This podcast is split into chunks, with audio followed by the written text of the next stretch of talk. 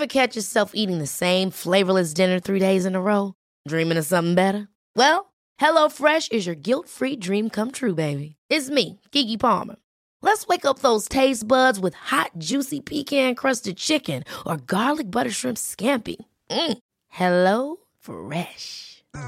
Stop dreaming of all the delicious possibilities and dig in at HelloFresh.com. Let's get this dinner party started. Hey, it's Ryan Reynolds, and I'm here with Keith, co star of my upcoming film, If, only in theaters, May 17th. Do you want to tell people the big news? All right, I'll do it. Sign up now and you'll get unlimited for $15 a month in six months of Paramount Plus Essential Plan on us. Mintmobile.com slash switch. Upfront payment of $45 equivalent to $15 per month. Unlimited over 40 gigabytes per month. Face lower speeds. Videos at 480p. Active Mint customers by 531.24 get six months of Paramount Plus Essential Plan. Auto renews after six months. Offer ends May 31st, 2024. Separate Paramount Plus registration required. Terms and conditions apply if rated PG. Ryan Reynolds here from Mint Mobile. With the price of just about everything going up during inflation, we thought we'd bring our prices down. So to help us, we brought in a reverse auctioneer, which is apparently a thing. Mint Mobile unlimited premium wireless. Ready to get 30, 30, bit to get 30, bit to get 20, 20, 20, bit to get 20, 20, bit to get 15, 15, 15, 15 just 15 bucks a month. So, Give it a try at mintmobile.com slash switch. $45 upfront for three months plus taxes and fees. Promo rate for new customers for limited time. Unlimited more than 40 gigabytes per month. Slows. Full terms at mintmobile.com.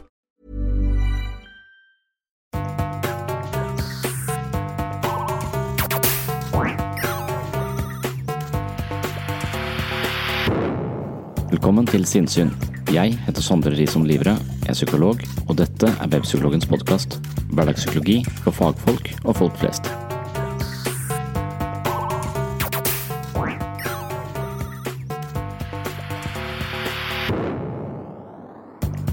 Denne gangen handler det om litt av hvert. Lyden er som vanlig ikke så god, men jeg håper du kan få med deg det viktigste innholdet.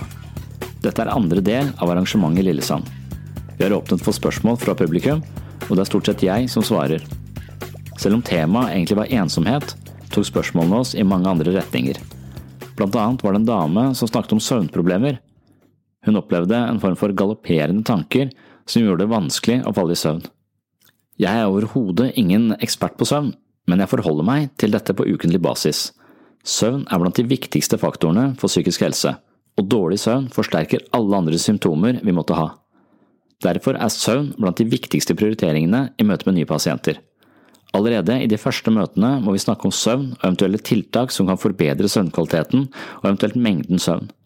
Søvn er noe vi trenger for å fungere. Mange mener at drømmen fungerer som en bearbeidelse av inntrykk og vedlikehold av vårt mentale maskineri. Deretter kommer vi inn i dyp drømmeløs søvn, hvor bevisstheten ikke lenger er full av tanker og følelser som ansporer oss til bekymring eller uro. Derfor er det i den dype søvnen vi finner den viktigste formen for hvile. Når vi ikke klarer å falle i søvn, blir hele vårt psykologiske liv overbelasta.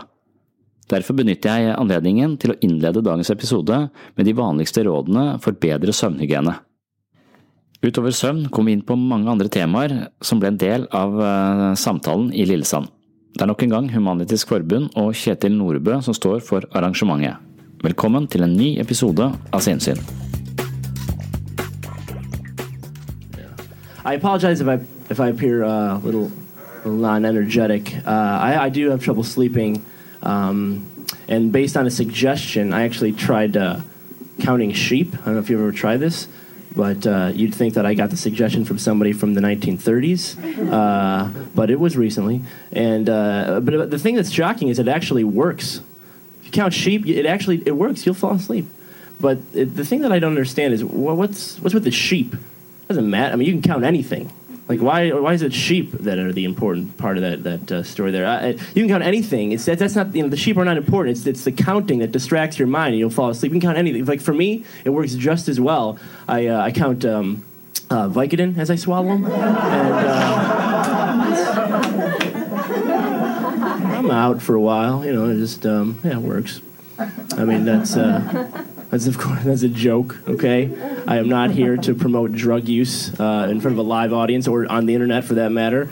Um, I will I will go on record right now as saying drugs are not the answer. Right? I mean, unless of course the question is how do you have a great time? But that's but that's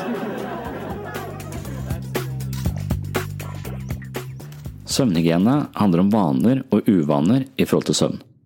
Mange har dårlig søvnhygiene, og da kan enkle tiltak være til hjelp. Men andre ganger må det mer til, og da kan årsakene være mer psykologisk komplekse. Mange av oss har altså dårlig søvnhygiene. Vi er sent oppe om kvelden og står tidlig opp. Vi bruker alkohol eller andre rusmidler som påvirker kvaliteten på søvnen, og vi overstimulerer oss selv med jobb, internett, smarttelefoner eller TV sent på kvelden. Forholdet mellom søvn og våken tilstand er blant annet regulert av nevrotransmittere i hjernen. Visse matvarer og medisiner kan påvirke disse nervesignalene. Koffeinholdige drikke og slankepiller kan eksempel føre til søvnløshet. Enkelte antidepressive medisiner kan undertrykke det søvnstadiet som kalles for rem-søvn. Det hender også at sigaretter er en faktor som kan påvirke rem-søvn, i den forstand at personen vekkes av nikotinsug. I tillegg er det kjent at alkohol kan påvirke både rem-søvn og dyp søvn på en negativ måte. Under rem-søvn er det slik at vi i mindre grad kan regulere egen kroppstemperatur, noe som betyr at vi kan bli for varme eller for kalde, noe som igjen kan forstyrre søvnen. Når vi vekkes i rem-søvn, påvirker det søvnsyklusen på en uheldig måte. Fysisk eller psykisk sykdom kan selvfølgelig også påvirke søvnen, og i noen tilfeller må disse problemene behandles først, før man kan få tilbake god søvn. Leddgikt, sure oppstøt, hodepine, hetetokter og menstruasjon er blant de kjente faktorene som kan forstyrre søvnen. Angst, stress og depresjon er også plager som ofte ødelegger søvnen. Dessverre er det også slik at mange av medisinene som brukes i behandling av ovennevnte plager, kan ha en uheldig effekt på søvnen. Følgende er altså en liste over tips for å få bedre søvn. Det viser seg at fokus på såkalt god søvnhygiene kan forebygge og avhjelpe mange søvnproblemer. Her kommer lista. Hold deg til ett søvnmønster. Gå til sengs og våkne opp på samme tid hver dag, selv i helgene. Regelmessig trening er viktig, men ikke tren sent på dagen. Trening bør foregå minst fem til seks timer før leggetid. Unngå koffein og nikotin. Det kan ta opptil åtte timer før virkestoffet avtar. Unngå å ta en drink på kvelden. Alkohol kan forhindre dyp søvn, og det er ofte slik at man våkner når effekten av alkoholen avtar. Unngå store måltider sent på kvelden, og unngå å drikke mye rett før leggetid. Unngå kraftig, sukkerholdig eller krydret mat fire til seks timer før leggetid. Finn ut om dine reseptbelagte medisiner påvirker søvnen din. Kanskje det finnes alternativer. Det kan også være viktig å undersøke om reseptfrie preparater eller urtemedisiner kan påvirke søvnen. Vær forsiktig med å ta en lur etter klokka 15 og ikke la en lur vare mer enn i 30–40 minutter. Slapp av før sengetid. Ikke anstreng deg for å få alt gjort. Det er også uheldig å bruke mye energi på mentale lister over alt man skal gjøre og huske på. Det beste er å gjøre ting som virker avslappende, som å lese, lytte til musikk, ta et varmt bad eller en kopp koffeinfri te. Hvis du har hang til bekymring og galopperende tankevirksomhet, bør du sette av tid til en avgrenset bekymringsperiode litt sent på ettermiddagen eller tidlig kveld. Da kan du tillate deg å tenke gjennom stressende ting eller alt som må bli gjort. Utenom bekymringsperioden bør du tilstrebe å ikke la bekymringen ta overhånd. Skap et godt sovemiljø. Sørg for at soverommet er mørkt, stille og ideelt sett vendt mot den siden av huset hvor det er kjøligst. Hold TV-en ute av soverommet. Prøv å få minst 30 minutter naturlig sollys hver dag. Ikke legg deg i sengen våken. Kom deg opp hvis du ikke får sove i løpet av 20 minutter. Ikke bruk sengen til å arbeide eller se film. Bruk den kun for søvn og sex. Mange kan ha nytte av avslapningsteknikker som ulike pusteøvelser, yoga og meditasjon. Hvis du våkner om natten, ikke slå på TV eller begynn med noen form for arbeid. Ikke sjekk smarttelefonen. Hør noe avslappende og rolig. Sovepiller og beroligende midler kan hjelpe mot sporadiske søvnforstyrrelser, men regelmessig bruk har som regel en negativ effekt på søvnen. En del såkalte sovepiller er vanedannende. Sovepiller kan dessuten tilsløre den egentlige årsaken til søvnproblemene, og dermed forsinke eller hindre riktig behandling. Sovepiller kan også ha en uheldig interaksjon i forhold til andre legemidler og alkohol. Enkelte sovemedisiner kan også føre til ubehag dagen derpå, og i neste omgang forårsake en slags rebound insomnia, hvor det blir enda vanskeligere å falle i søvn. Sovetabletter kan i tillegg ha en rekke andre uheldige bivirkninger, som f.eks. hukommelsestap, forvirring, svimmelhet, høyt blodtrykk, kvalme eller energifattighet. For mange kan god søvnhygiene forebygge søvnforstyrrelser, men i noen tilfeller vil ikke forebyggende tiltak være tilstrekkelig. En annen form for psykoterapi vil ofte være blant de beste alternativene. Det kan være mange mer eller mindre psykologiske årsaker til at vi ikke får sove. Noen mennesker har tanker som på sett og vis er feiljusterte, og lurer dem inn i oppfattelser som skaper engstelse og et anstrengt forhold til søvn. Eksempel på slike tanker kan være at man antar at åtte timers søvn er helt nødvendig, eller at en natt med dårlig søvn gjør at man blir syk, eller at man ikke sover i det hele tatt når man faktisk dupper av en hel del i løpet av natten. Slike tanker kan skape unødvendig bekymring, som setter i gang følelser som videre aktiverer hele kroppen på en måte som forhindrer søvn. Andre årsaker til søvnforstyrrelser, som viser seg å ha en dypere psykologisk årsak, dreier seg ofte om evnen til å tåle, forstå og uttrykke sine følelser på en adekvat måte. Dersom sterke følelser og psykologisk ubehag er noe vi tilstreber å unngå ved å distrahere oss selv eller på andre måter ignorere følelsenes signaler, ender vi opp med et slags undertrykt følelsesliv hvor vi ubevisst bruker mye mental energi på å holde psykisk ubehag på avstand. Den klassiske forståelsen av nevrotikeren handler om at mennesker med nevrotisk forsvar undertrykker kraftige følelser som virker angstprovoserende, og siden forsøker å kontrollere de avviste følelsene ved å holde orden rundt seg. Man rydder på overflaten for å holde indre, altså følelsesmessig kaos, i sjakk, noe som på sett og vis fungerer på et eh, symbolsk nivå. Når man ikke evner å ta inn over seg følelsesmessig ubehag, krever det mye av vårt psykiske forsvar, og vi risikerer at vi på et ubevisst nivå frykter søvnen som en tilstand hvor vi må slippe opp kontrollen. På dansk sier man gjerne å falle i søvn, og det betyr at vi hengir oss til en tilstand hvor vi ikke lenger har like stor kontroll på det indre livet. Mange bruker tanker, fornuft og refleksjon for å holde kraftige følelser i sjakk, og noen opplever det etter hvert som en eh, såkalt tankekjør. Det utarter seg som en eh, stilltiende fornemmelse av at man er nødt til å tenke for å beholde kontroll, og på sett og vis er man eh, da på flukt fra sitt eget indre følelsesliv. Dessverre er det slik at eh, å sovne ikke er noe man kan tenke seg til, men noe som kommer når man kan gi slipp på all tankevirksomheten. For de som sliter med søvnforstyrrelser som kan forstås inn i en slik affektfobisk ramme, kan mer dyptgripende psykoterapi med fokus på evnen til å tåle, forstå og uttrykke følelser være den beste behandlingen. Man kan også få god hjelp av mindfulness meditasjon i slike tilfeller. Det er mange andre årsaker man kan forestille seg som eh, forhindrer eller ødelegger søvnen vår. Eh, kanskje det vanligste er nevrotikeren som prøver å holde underliggende ubehag i sjakk ved å tenke og tenke og tenke på overflaten. Galopperende tankevirksomhet, og såkalt tankekjør, er altså en måte å prøve å holde kontroll på, men det er ikke en god måte å falle i søvn på. Søvn blir også tema i samtalen eh, i Lillesand, altså andre del av arrangementet til Human-Etisk eh, Forbund, hvor overskriften egentlig var ensomhet, eller ensomhet er dødelig. Men som nevnt så kommer vi også inn på dette med søvn og søvnkvalitet.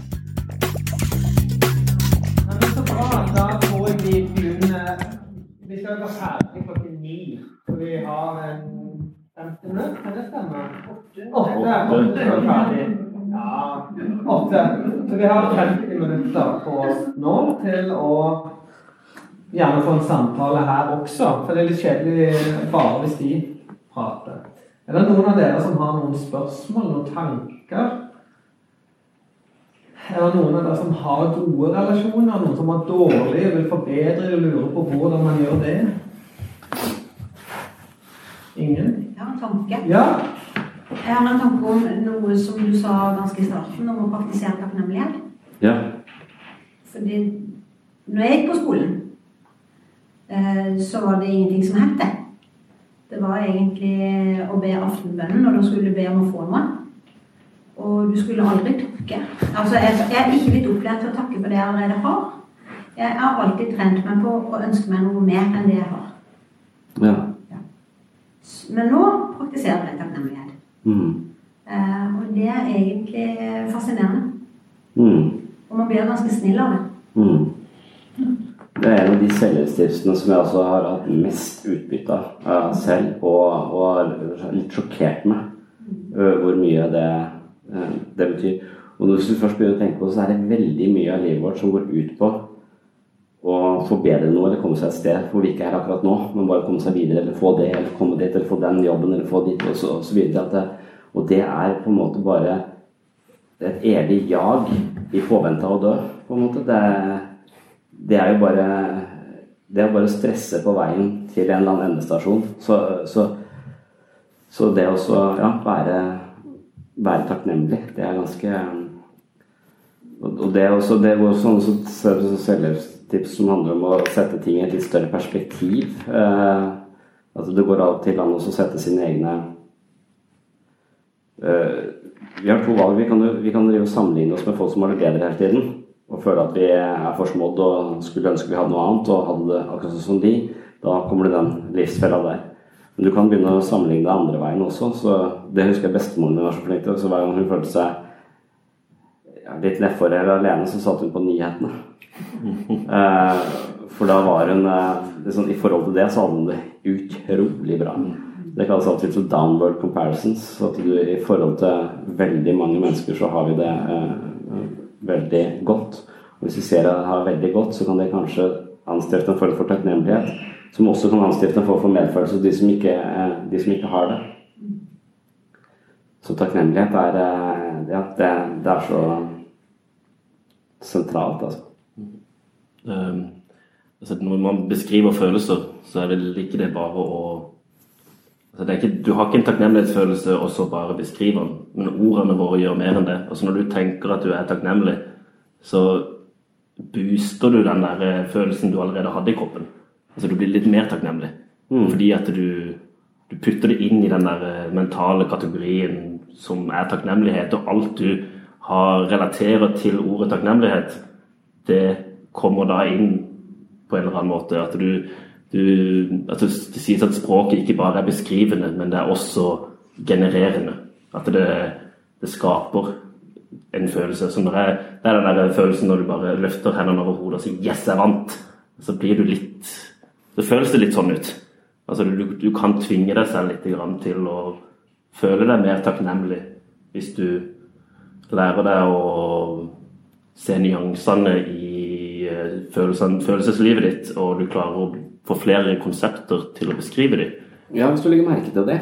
Og så, så der, Derfor så har han den boka han David Esteno han anbefalt takknemlighetsdagbok, noe som jeg prøvde eh, selv. Eh, fordi at det, eh, også, En som heter Richard Carlsen skrev 'Don't sweat the small stuff and it's all small stuff'. Eh, han har gitt ut ekstremt mange bøker som heter akkurat det, bare i forskjellige varianter. Men han har et annet estimat. Han sier at i løpet av en dag så går det 50 000 tanker gjennom et hode. Det skjønner jeg ikke hvordan han har klart å regne ut. Eh, eh, men la oss si det er noe i det, da. At vi har 50 000 tanker gjennom hodet vårt i løpet av en dag. Så er det veldig mange, og vi hører det jo ikke alle sammen. Men de er der. Det er stemmer som snakker til oss hele tiden. Det får du ikke til. Eller det går bra. Eller pass på det. Eller, så, så, det er hele tiden en slags dialog gående inne i hodet vårt. Men den er ofte ganske negativ? Ja, og den er negativ av helt naturlige årsaker. Eh, så, så, så, så dermed så Fordi at, eh, fordi at den, den, stemmen er jo liksom en del av vårt operativsystem. Vi er koda i språk. Så, sånn som du mener at det er noe generativt, og vi er sånn koda i språk. Men vi er også koda på den måten at vi vil helst overleve. Så hvis de da ser noen i, i periferien her som beveger seg, så er det mer natur, eller så er det tryggere å tro at det er en løve å komme seg unna, enn å tro at det bare er en busk som blafrer i vinden.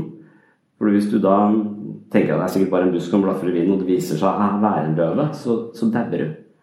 Eh, så den, den der hangen vi har til å krisemaksimere litt og hele tiden se mulige farer osv. Derfor så, så, er det noen som også har et estimat på at fire av fem tanker er negativt eh, innstilt. Men også sånn Nei, det får du ikke til. Nei, det er farlig. Nei, det går ikke. Det, det går ikke bra. Pass deg nå. Altså, sånn hele tiden. Det passer kanskje i en verden som er farlig. Eh, men dette kan være rudimenter fra en tid hvor det var mye farligere å leve enn det er i dag. Mm.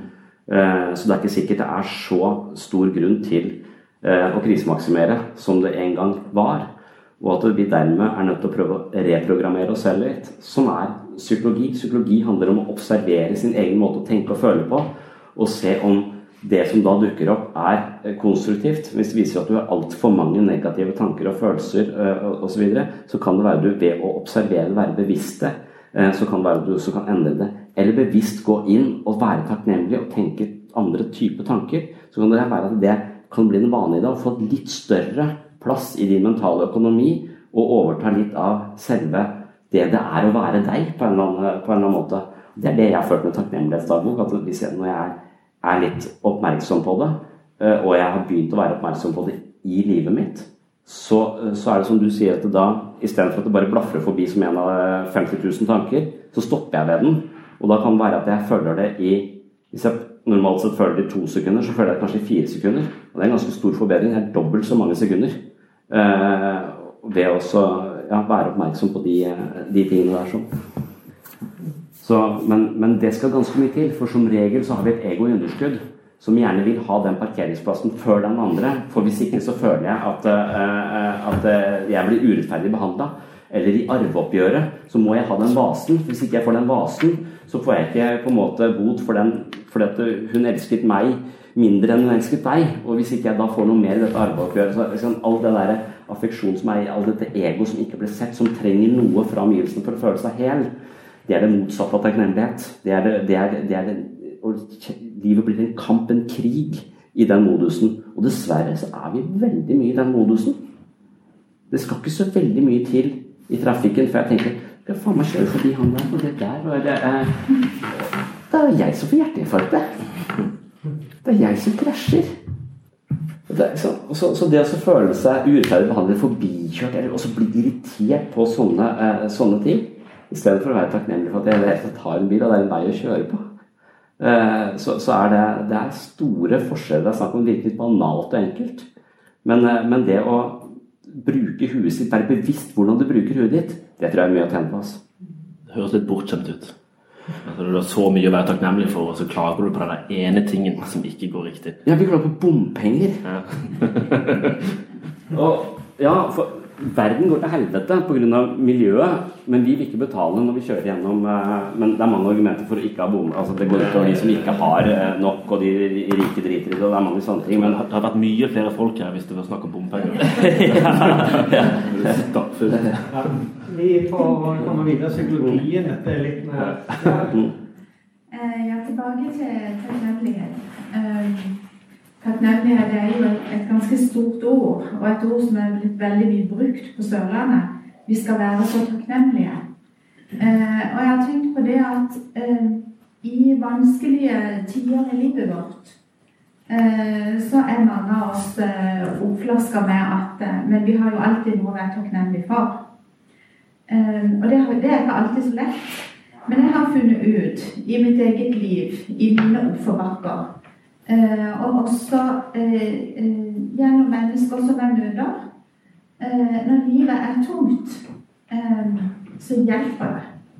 Men, men, ikke som en sånn stor pakke, men som konkreter. Hva er det som, som, Er det noe når jeg ligger på puta og sover og, og våkner om morgenen Er det noe Er det noe å stå opp for, egentlig? Orker jeg å stå opp i dag?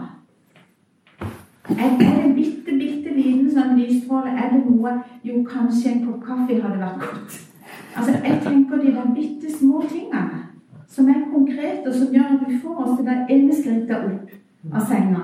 Og så ikke tenk så mye mer på, på, neste skritt før du sitter med den koppen. Er det noe annet? Eh, og at de små takknemlighetene, sånn steg for steg, er noe å, å holde fast i. Um, og så, ja, og så kommer dagen. Og så er det alt det andre som du sier med relasjon og alt dette. Men det er noe med, med hvordan får en, får en seg opp da, når det er mørkest. Mm. Ja, for du mener kanskje at det, det, det takknemlighetspratet er litt sånn eh, klisjéaktig, på en måte? At det, det, det har gått litt eh, Ja. For Jeg husker jeg snakket med en som heter Janne Stigen Bramsvold, tror jeg. En, en forfatter. som, som snakker om velferdsklemma. Og det går ut på akkurat det der. At, eh, at eh, siden vi har det så bra, så har vi ikke lov til å ha det ræva. Eh, og da blir det enda vanskeligere å ha det dritt. Fordi vi har ikke rett til det. og det er velferdsklemma. på sett og vis. Så, så, så, det er kanskje noe, noe i det, men ja, at, det kan, at det å være takknemlig og hele tiden få beskjed om å være takknemlig, blir å være ignorant overfor alvorlige og kjipe ting.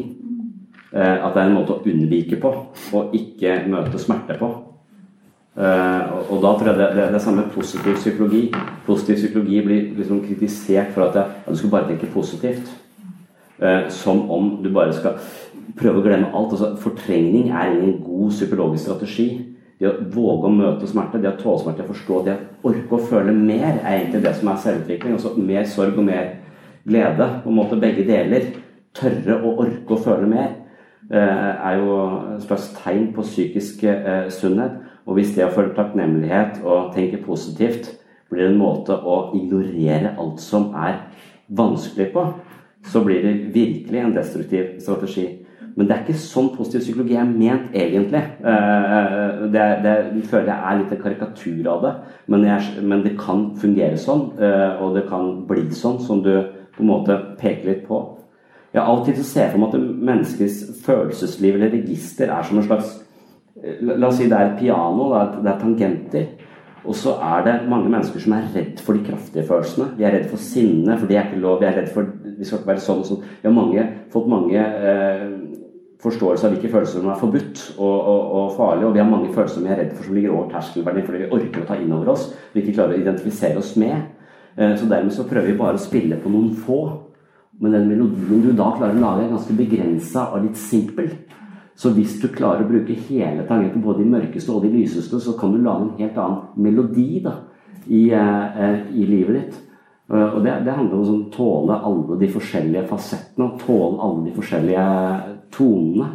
Og da kan du lage mye bedre musikk. Men det betyr at du også må til de mørkeste stedene i deg selv. Da. Du, må, du må liksom også akseptere å se på alt det du helst ikke vil, eh, vil se på. Eh, og, og, og, våge å tåle følelser som du har brukt mye energi på, å, på å unngå. Ja, og, og, det er akkurat det jeg mener. Eh, eh, takknemlighet er godt, men det skal ikke være noe som trykker ned Nei. hvordan livet er. Mm. Eh, det kan være små konkreter da, Mm. som kan hjelpe i tunge stunder. Mm. Eh, men, men ikke for å, å eh, skyfle vekk det som, eh, sånn som livet er akkurat da. Nei. Mm. Ja. Ja.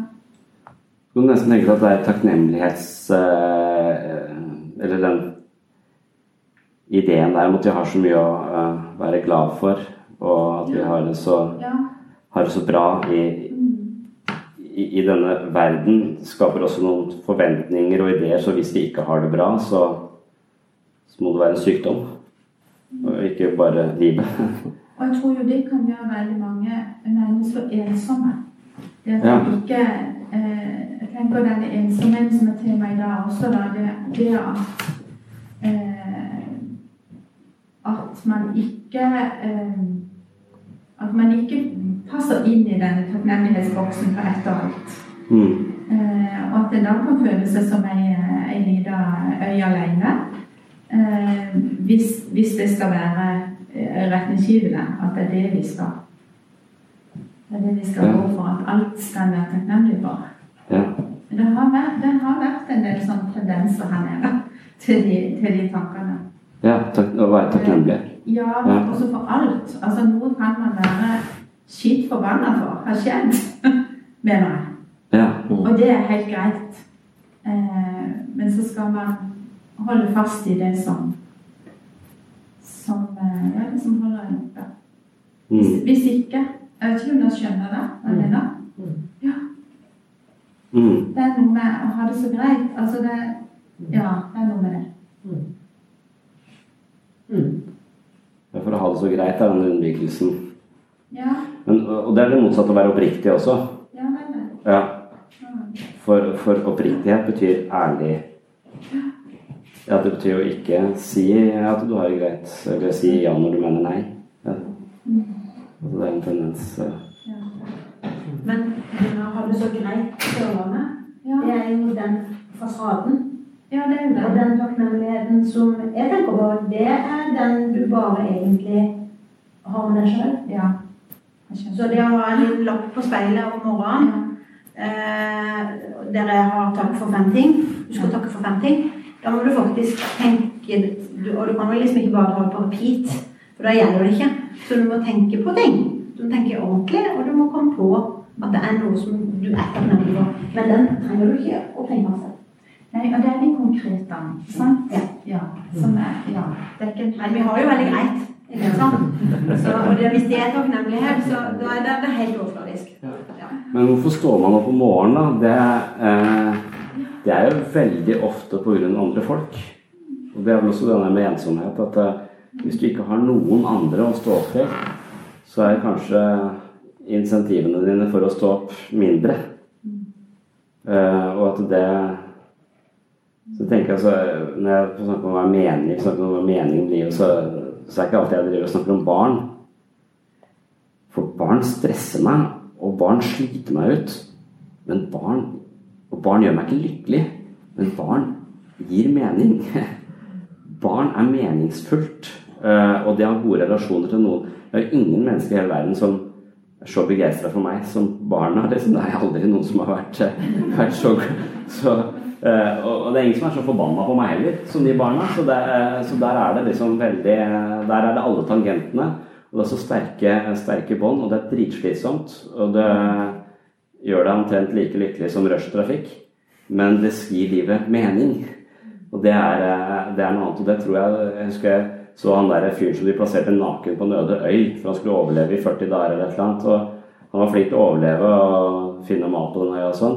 Men etter hvert så ble solnedgangen ble bare fattigere og fattigere. Og det å sitte aleine og ikke dele opplevelser med noen, det tok liksom fargen vekk da, fra, fra selve livet. Så Derfor kanskje denne ensomheten er dødelig. Eh, ensomhet er eh, det å ha føle seg som en del av noe og dele opplevelser i et fellesskap er så ekstremt sentralt. Da.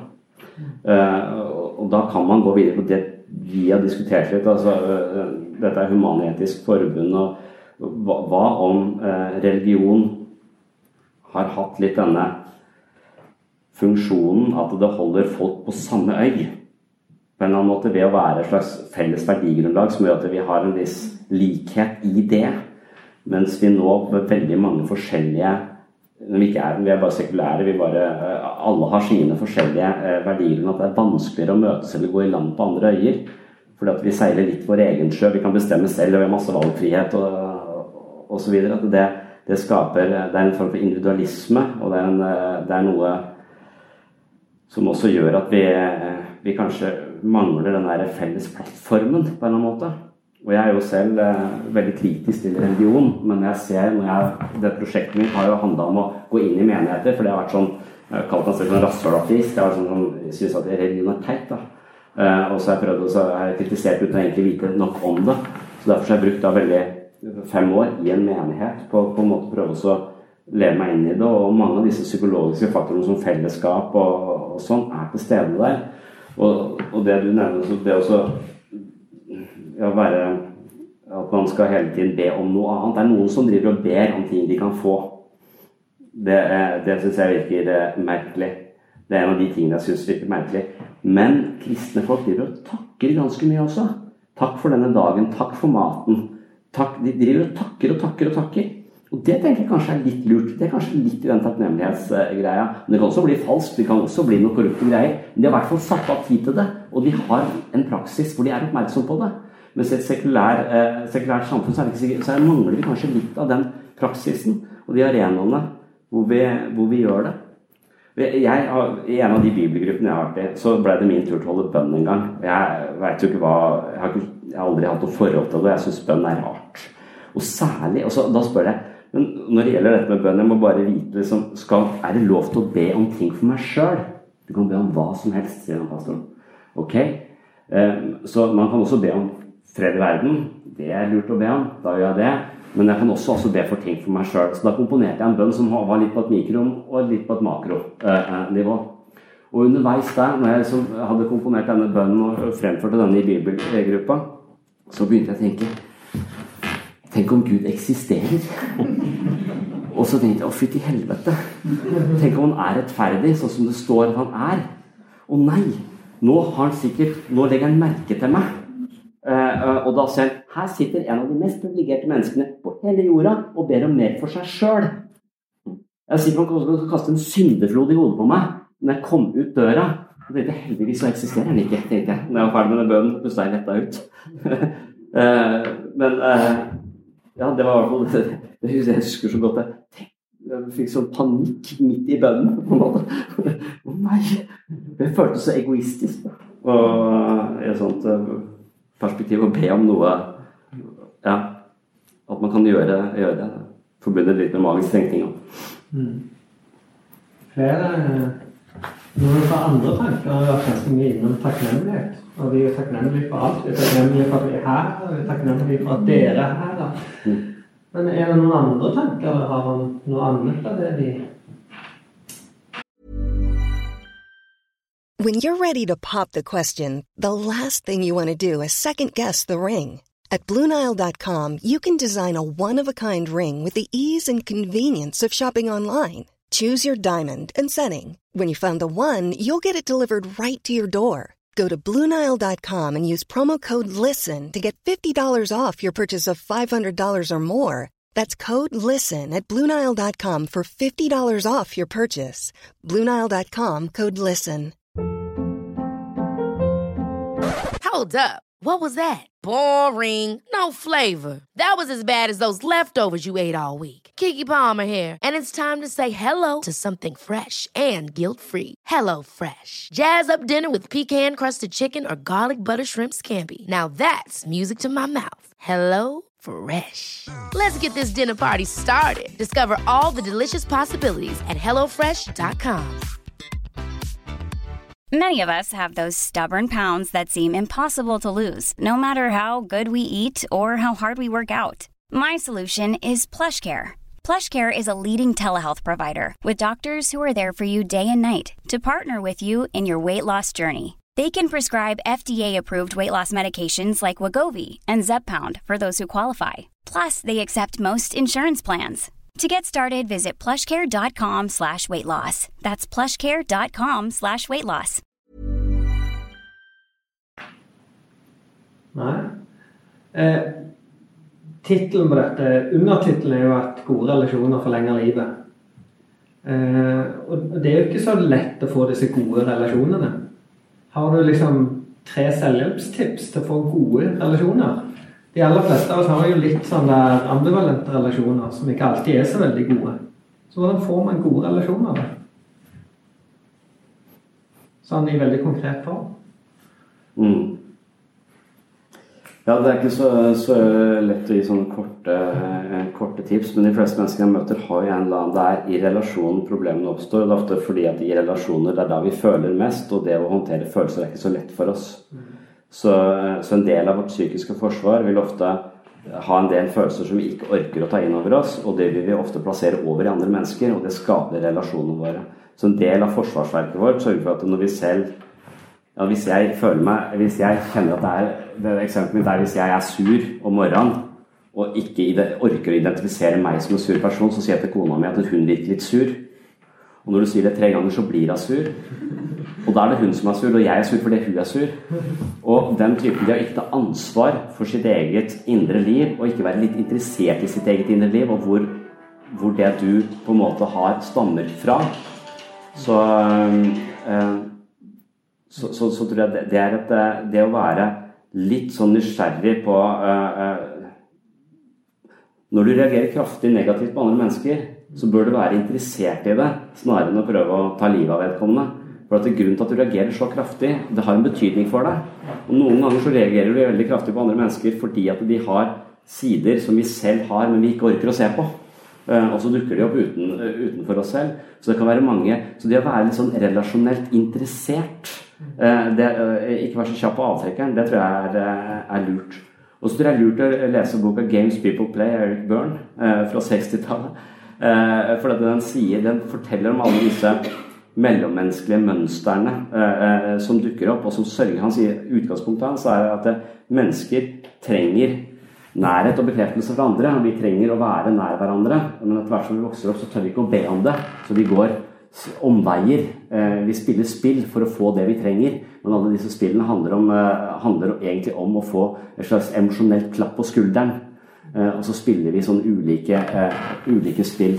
Går nevnte vi kanskje det 'Hadde ikke vært for deg'-spillet er et spill som, eh, som en dame i et ekteskap som har drømt om å danse hele livet, og så har hun gifta seg med en kjip type som bare sitter på Skavlan. Og, og, sitter hjemme, han vil ikke ut og danse. Og så sitter hun og ser på hun og sier men hadde det ikke vært for han der, så hadde jeg hatt et rikt sosialt liv. Men nå sitter vi her hver eneste helg og ser på Skavlan isteden. Og så blir han så lei til han sier nei, drit lei den masinga di, nå må du gå med naboen, for naboen er keen på å danse, så ta med han isteden. Og så gjør hun det på dansekurs og oppdager at hun er livredd for å danse eh, offentlig. Eh, så hennes frykt for å danse, det trenger hun ikke ta ansvar for så lenge det er hans skyld. Eh, og når det er hans skyld, så trenger hun ikke å konfrontere sin egen frykt, og da legger hun problemene utenfor, eh, eh, utenfor seg selv. Så det er et eh, så, og, og hele, Vi spiller veldig mange sånne sosiale spill da, hvor vi ikke tar ansvar for vårt eget indre liv. Så det å feie for egen dør det å rydde opp hjemme hos seg sjøl, det tror jeg er det beste utgangspunktet for, eh, for, for gode relasjoner. Og det også å være, være, oppriktig og sannferdig. Mest mulig sannferdig. Ikke lyve. Og Det er en av de historiene til Jordan Peterson, som er sånn i vindens psykolog for tiden. Han snakker om Billy og dragen. At, og Billy er denne historien om dragen. eller Billy våkner en morgen. Billy er en liten gutt. Det er en barnebok. Jeg har den selv. Billy våkner om morgenen, og så ser han ned på senga, så sitter en liten drage. Men den er veldig skjønn, så det er ikke så farlig. Men etter hvert eh, som dagene går, så begynner dragen å vokse. Og så begynner dragen også å spise opp pannekakene til Billy. Og så begynner det grimaser mot, eh, mot Billy. Og da går Billy til moren sin og sier at det er en drage oppe på rommet mitt som er slem mot meg. Og så sier moren bare nei, drager fins ikke. Og så, og, eh, og så, fortsetter fortellingen sånn. Dragen bare vokser og vokser. Og vokser, og hver gang Billy går til moren sin og snakker om dragen, så sier moren bare at drager fins ikke. Men moren hun ser ikke dragen, men hun, dragen er der, så hun må løfte opp og støvsuge under og må gå over dragen. Det er veldig vanskelig å manøvrere seg rundt i huset her, fordi dragen blir så stor. Og til slutt så blir dragen så stor at den vokser ut av huset og løper av sted med hele huset på ryggen. Og når faren da kommer hjem, så er huset borte. Og så må han løpe etter dette huset. Eh, eh, og, og, så, og, så, hopper han til slutt, så tar han inn dragen, klatrer opp på ryggen og går inn i huset. Og så sier han faen, det er en svær drage her. Eh, og så sier moren ja, det er det. Og idet hun anerkjenner den dragen, så krymper den og blir liten igjen. Og så slutter hun Billy, hvorfor, hvorfor tror du dragen ble så stor? Og da sier Billy ja, kanskje den bare ville blitt lagt merke til. Um, og det der er nok en fortelling om unnvikelse. Uh, og unnvikelse tror jeg er en dritting. Så når vi bare snakker folk etter ryggen eller sier det vi tror de vil høre, uten å kjenne etter på hva vi føler, og være oppriktige Vi skal ikke være oppriktige for å skade noen, vi skal være oppriktige for å skape nære uh, uh, relasjoner. Og hvis vi klarer, hvis vi tør det, så, så tror jeg vi har veldig mye å vinne. Men det er vanskelig, for det gjør at vi av og til må stå i situasjoner som er kleine og vanskelige. Så hvor det har vært mye bedre å lyve litt for å komme seg ut av det. Eh, nei, jeg kan ikke da, for jeg har ikke barnevakt. Jeg har tre stykker som bare venter på å komme og sitte barnevakt. Eh, det er en løgn.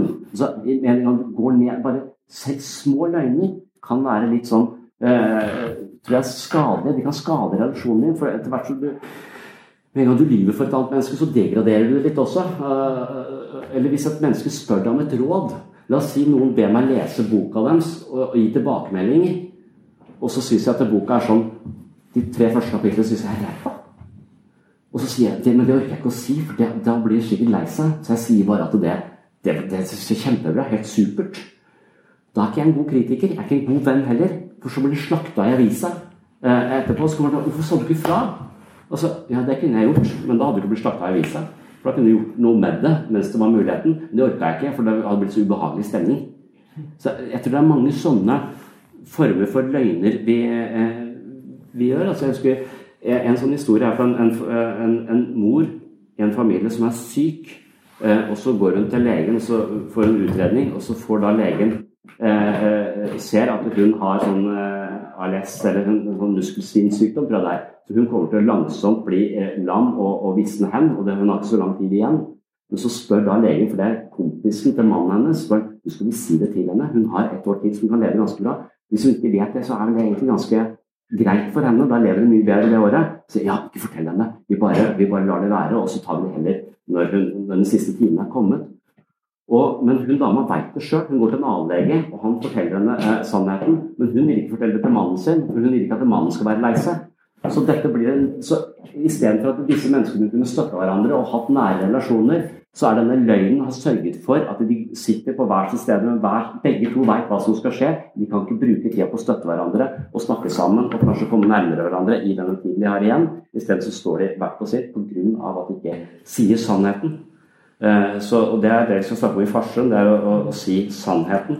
Og Det tror jeg er ekstremt godt, uh, godt råd for gode relasjoner, men jeg tror det er ubehagelig innimellom å si sannheten. Jeg tror du da må konfrontere en del følelser som du helst vil unngått der og da.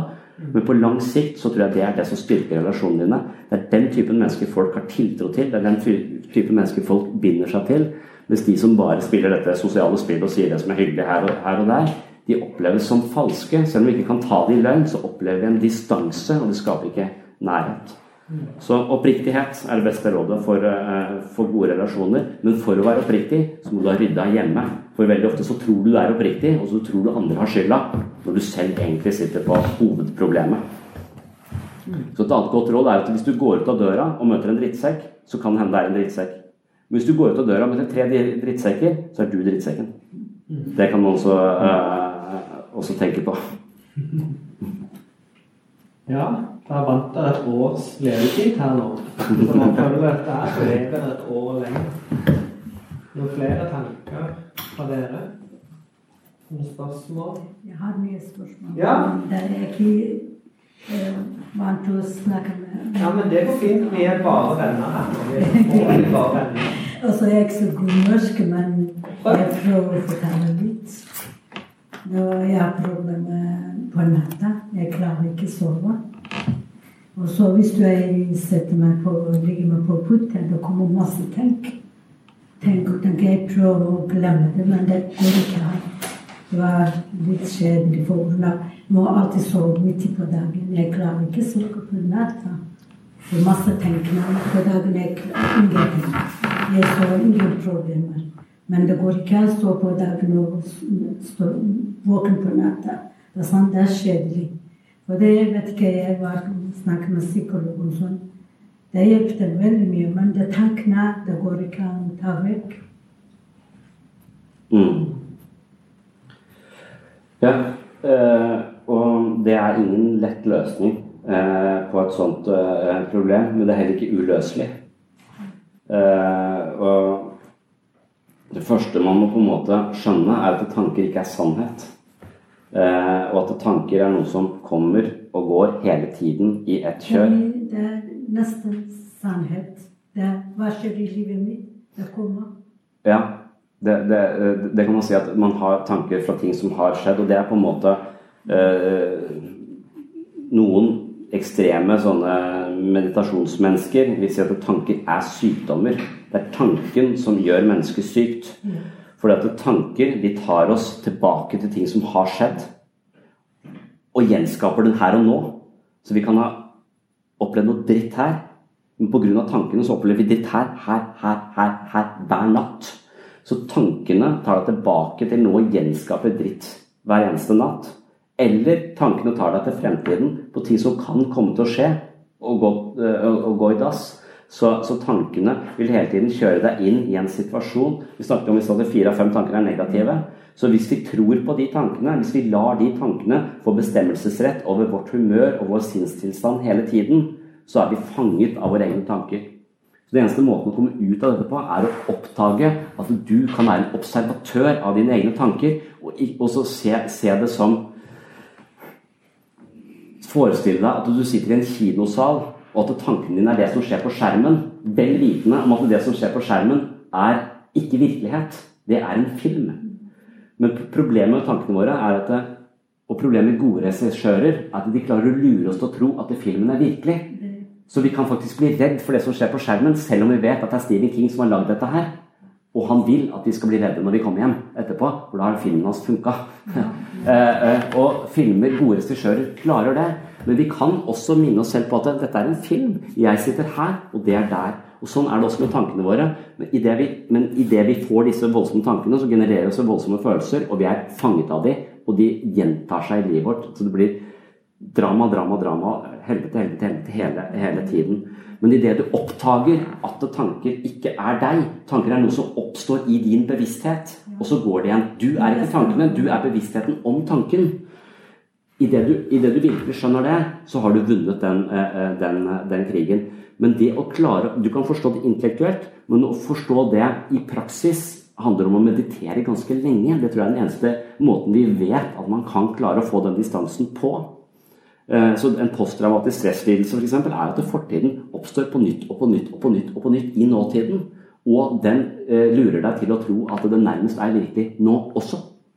Eh, og bekymringen for, for, for, fremtiden også noe som på en måte virkelig frarøver livet vårt ro og, og harmoni. Så evnen til å leve her og nå og skjerme dette øyeblikket fra tanker. Altså, det var, jeg husker jeg en pasient som lærte meg, jeg spurte, kom inn på kontoret mitt så sa jeg ja, hva er problemet ditt? Akkurat nå har jeg ikke noen problemer. Nei vel, tenkte jeg. Hvorfor er du i psykisk helse hver Eh, nei, for jeg bestemte meg for å skjerme dette øyeblikket. Hva mener du med å skjerme dette øyeblikket? Jo, for det er tankene mine som skaper problemene. Men akkurat nå hadde jeg bestemt meg for å ikke tenke. Jeg hadde tenkt å bare være her for å kjenne på hvordan det var. Og så, ja, men hvordan er det her nå, da? Fredelig, sa han. Ok, så jeg, og så spør meg ja, men jeg må kanskje ta fram tankene for at vi skal komme noen vei. Og da blir det sånn Ja, må du det? Hvis du klarer dette? Og så, og så, da, og så sa han ok, men la oss sitte et par, par minutter til i stillhet, da. Uh, og, så, og så, kan jeg fortelle deg hva tankene mine hele tiden sier. Og så gjorde vi det. Men det bare fortalte at det går faktisk an å skjerme et øyeblikk. Dette øyeblikket kan være rolig, med mindre vi fyller det med tanker fra fortiden eller bekymring for fremtiden ødelegger dette øyeblikket. Og du ødelegger natta di på den måten. Men du kan ta tilbake den, eh, eh, den, den makta. Men det er en langsom, det er mental treningsprosess. Du må mer aktivitet her oppe i denne delen av hjernen. Og jeg tror meditasjon er den beste veien å gå, men det er jo vanskelig. Selv så har jeg også et galopperende mentalt maskineri, men jeg er ikke negativt innstilt, jeg er positivt innstilt. Eh, sånn at, så alle, mine jeg, jeg har en tendens til å huske alt som bra, selv om det opp var et helvete der og da, så klarer jeg Jeg, jeg ignorerer det ut så, sånn jeg er skrudd sammen, jeg er heldig. Men når jeg ikke får sove, så er det fordi at tankene mine hele tenk, tenker på nye ting. Det er vanskelig å sovne når du hele tiden konstruerer ting i tankene dine og lever i tankene dine.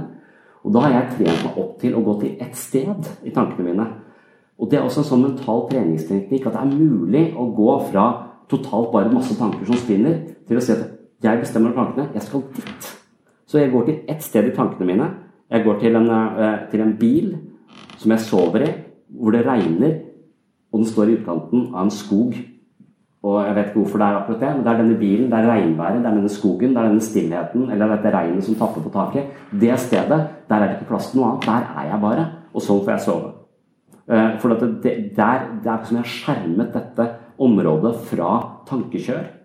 Eh, og det er også tror jeg, en slags meditasjonsteknikk. Jeg har ikke lest om det. det er, det, det, er bare noe jeg på en måte har lært meg til fordi jeg vet at tankene mine går for fort ofte. Og det frarøver meg søvn som jeg trenger.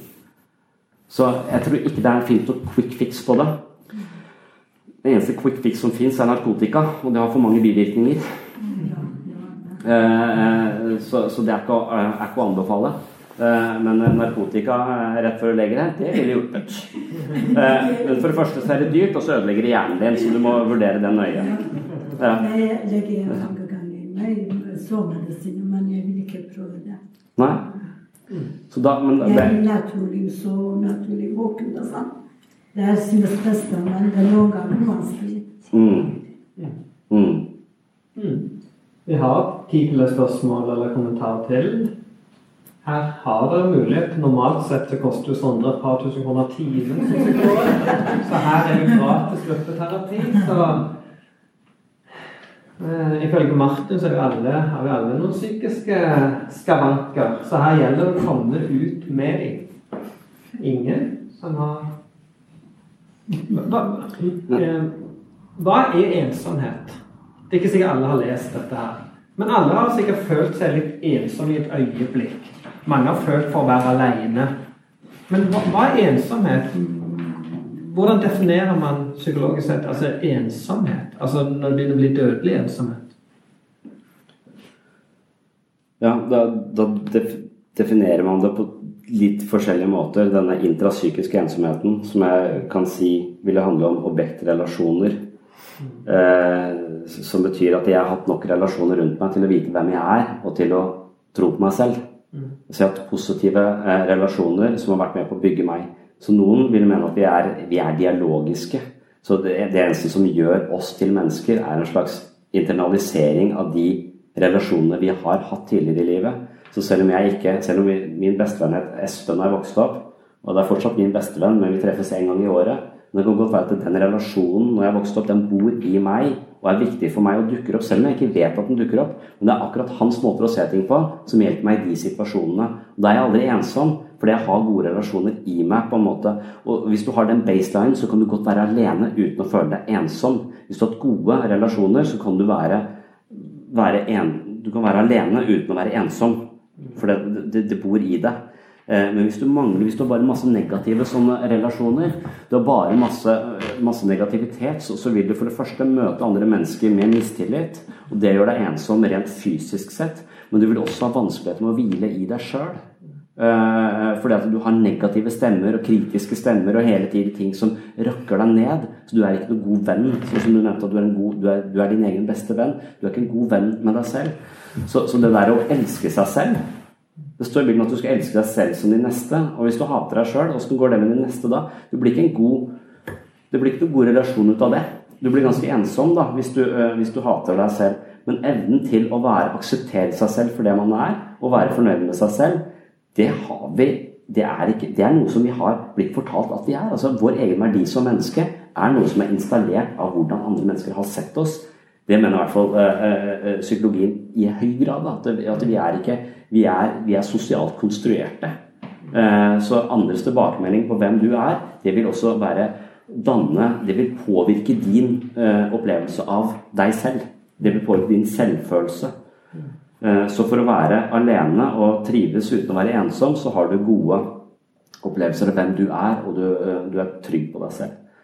Uh, har du ikke det, så, og føler deg hele tiden usikker på deg selv, så kan, det, så kan, du gjøre sånn som jeg gjorde i ungdomstida. Prøve hele tiden å ha folk som bekrefter at du ikke er sånn. Bekreft meg, bekreft meg, bekreft meg. bekreft meg. Det er også et sånn utmattende prosjekt. da. Uh, og Noen ganger så har du blitt kritisert av veldig viktige mennesker, og så prøver du også å bøte opp for det og få masse god tilbakemelding. De renner bare rett igjennom, for de har ikke noe sted å sitte. For så lenge de ikke svinger i takt med den måten du ser deg selv på, så er det bare som å kaste vann i en bøtte med høl i. Det funker ikke å si positive ting til deg, for du vil ikke ta det til deg. Med mindre du begynner å skjønne at vet du hva, de algoritmene, de forståelsene jeg har av meg sjøl, de er skakkjørte fordi disse menneskene har oppført seg sånn mot meg. Og hvis jeg skal fortsette å la de diktere min selvfølelse, så er jeg fucked. Jeg er nødt til å begynne å tenke annerledes uh, om meg selv. Jeg er nødt til å begynne å tvile på tankene mine. Fordi tankene mine har hele tiden fortalt meg ting som ikke nødvendigvis stemmer. Så tanker er ikke sannhet. Tanker er ikke sannhet. Tanker er et ekko. Uh, og et ekko som ikke reflekterer den virkeligheten som har vært på noe særlig korrekt måte heller. Så ja. Flere? Nei, der kom jeg igjen med siste. Men hva hvis man ikke har vært så heldig at man har hatt disse gode relasjonene i tidligere barneår, eller om man ikke har hatt disse relasjonene? At man eh, At man gjerne ikke har det i seg, da. Hva gjør man da? Altså, Hva gjør man så rent konkret hvis man lever et liv hvor man føler seg ensom? Og ikke har dette positive å ta med seg, det som har bekrefta de positive tankene. Jeg opplever at jeg møter en del ungdom som er litt sånn at de gjerne I dag så var jeg på et ekstremismeseminar og holdt et innlegg for Human-Etisk Forbund. Da kom det bort ei ganske ung jente til meg. Og så sier hun det at uh, alle elsker meg her, men jeg er så utrolig ensom. Og det er sånn For meg så var det sånn der, Alle liker meg, alle henger med meg, men jeg er så utrolig ensom. Så ble liksom, For hun begynte å snakke om humanisme, og jeg, jeg snakket om utenforskap og medmenneskelighet og litt sånn. Og, og det er jo sånne ting som vi slo til meg litt og lurte på. Hvordan kan man føle seg så ensom? Dette så ut til å være vellykket, en vellykket jente.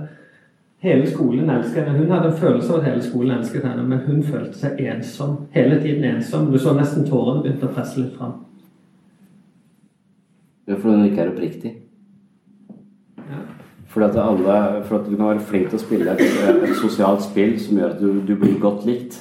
Men hvis det ligger veldig langt fra den personen du føler du er, eh, så er, det, så er du utgangspunktet for denne Du blir bekrefta på et falskt selv, eh, eventuelt, eller på en avatar. På Facebook-varianten av deg sjøl. Og jo mer bekreftelse du får på den, at den er fantastisk, jo mer tenker du at ja, det er vel den jeg må være da, men hva med denne som jeg egentlig føler eh, at jeg er? Så, så, så jo mer hun får bekreftelse, jo mer avstand følgende får eh, får til seg selv, og jo mer ensom kan hun eventuelt eh, eh, føle seg. Så, så, jeg tror det er egentlig da ofte mangel på oppriktighet fra vedkommende side. Jeg tør ikke å være ekte. Eh, så, og, og, mange av de mest populære folka er jo ikke de mest oppriktige menneskene heller. Altså, de, de kan eh, Og i hvert fall ikke i, ungdom, i ungdomstiden. Eh, så det er veldig mange måter å like folk på. Da. Noen mennesker du ser veldig opp til og er sånn ærefritt for. og sånn. Det er ikke sikkert at det er de mest gjennomsiktige, eller de, de menneskene som er mest satt i seg sjøl. Jeg tror de menneskene som virkelig hviler i seg selv, de føler sånn tiltro til og sånn nærhet til, og du liker dem på sånn Det er en kvalitet for dem som er helt annerledes.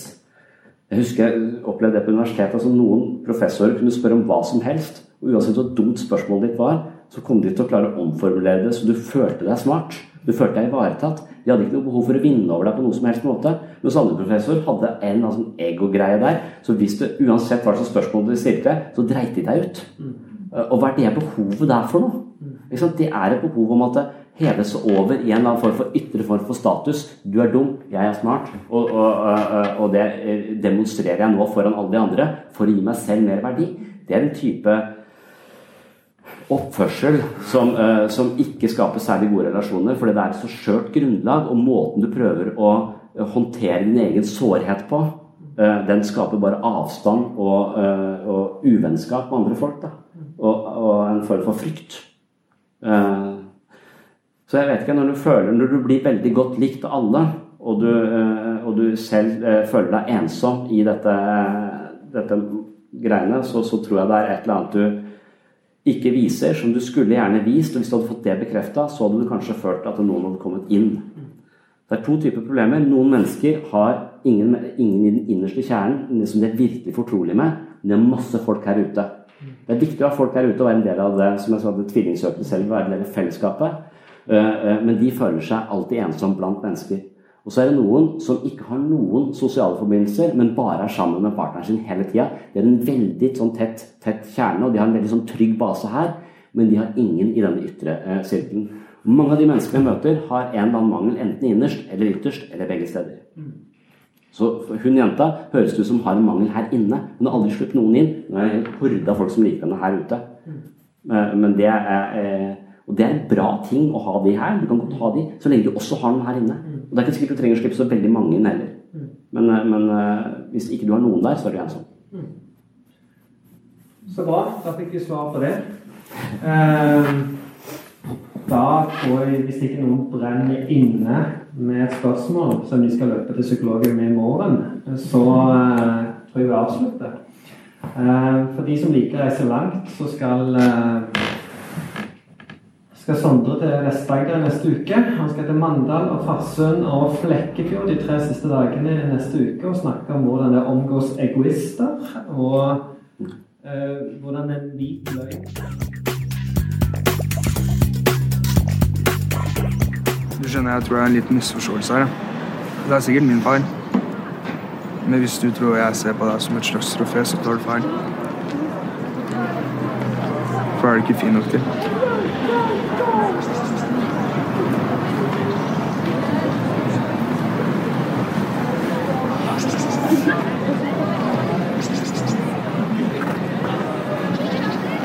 For en fet fyr du er. Hvem er du? Jeg blir bare utrolig nysgjerrig på hva som kan ha skjedd med deg. Som gjør at du har så store mindreverdighetskomplekser at det å pisse på følelsene til en liten uskyldig førstesenter får deg til å føle deg stor og kul. Aldri bekrefta som barn, er det det? Eller mamma som aldri skrøt av tegningene dine? Var det pappa som bare aldri kom på de skoleavslutningene? Du hadde ikke hår på pikken i 7. klasse, så ble du mobba for det? Ja, uansett hva det er, så må du seriøst komme deg over det og begynne å oppføre deg som et menneske. Slutt å gå rundt som en jævla klisjé.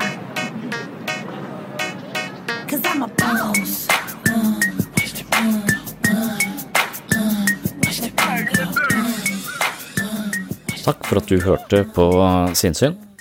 Takk for at du eventuelt har rata podkasten i iTunes eller anbefalt den til alle de du kjenner. Hvis ikke du har gjort det ennå, så takker jeg hvis du har tenkt til eh, å gjøre det. Jeg vet ikke, det blir jo for dumt å nevne at jeg har skrevet tre bøker om dette temaet, men det er på en måte den veien eh, sinnssyn har en form for inntekt. Eh, jeg bruker mye tid på disse podkastene, og eh, måten det finansieres på er jo gjennom eh, noe foredragsvirksomhet, men også gjennom salg av bøker. Selv om det ikke er noen veldig stor inntektskilde, så er det en måte å holde dette prosjektet i sånn rimelig balanse på. Jeg synes det er veldig gøy å snakke om psykisk helse, og jeg synes det er veldig gøy å snakke med folk om psykisk helse, og jeg håper at de som hører på dette, synes det er like interessant. Og hvis du synes det er interessant, så er det også sannsynlig at du liker bøkene, altså, som jeg har skrevet om både om selvfølelse, om selvbilde og om livets store spørsmål. Da klikker du deg inn på webpsykologen.no for å anskaffe deg de bøkene. Der får du til best pris. Webpsykologen får et større del av kaka, og du får altså gratis frakt og rimelig rask levering. Da gjenstår det bare å takke for nå, og på gjenhør i neste episode.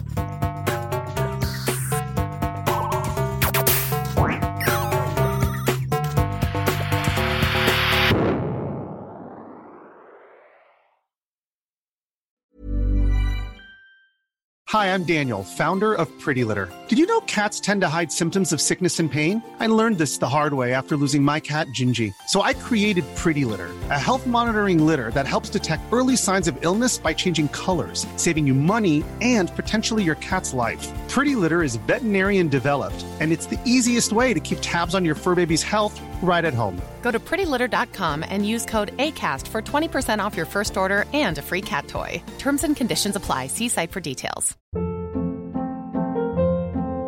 Hold up. What was that? Boring. No flavor. That was as bad as those leftovers you ate all week. Kiki Palmer here, and it's time to say hello to something fresh and guilt-free. Hello Fresh. Jazz up dinner with pecan-crusted chicken or garlic butter shrimp scampi. Now that's music to my mouth. Hello Fresh. Let's get this dinner party started. Discover all the delicious possibilities at hellofresh.com.